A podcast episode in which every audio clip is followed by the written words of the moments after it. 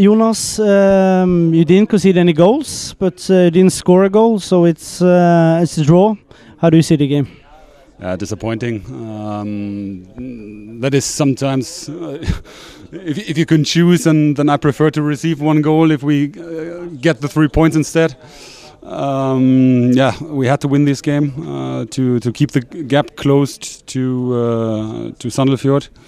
Uh, we didn't manage it. I think we didn't play on, on, on the level we are used to, especially if you compare it to, to the EF game two weeks ago. That is a level we have to perform on. Uh, unfortunately, uh, this day against a better opponent, uh, we didn't manage to, to, to, perform on that level. Uh, if I say that uh, maybe KFUM neutralized our attackers, what do you think then? Yeah, it's true. I think we, we didn't cre create that much opportunities to score.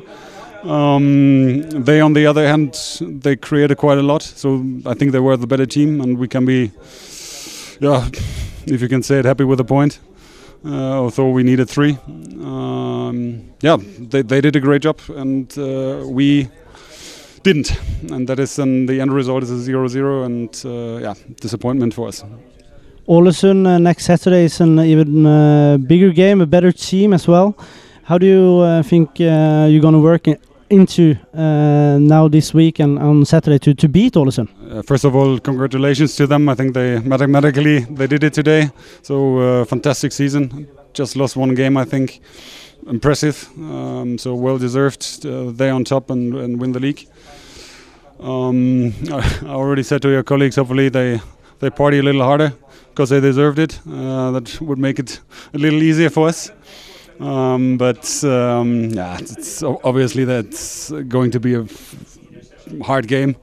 They have an experienced team. They know what they have to do uh, in order to win games.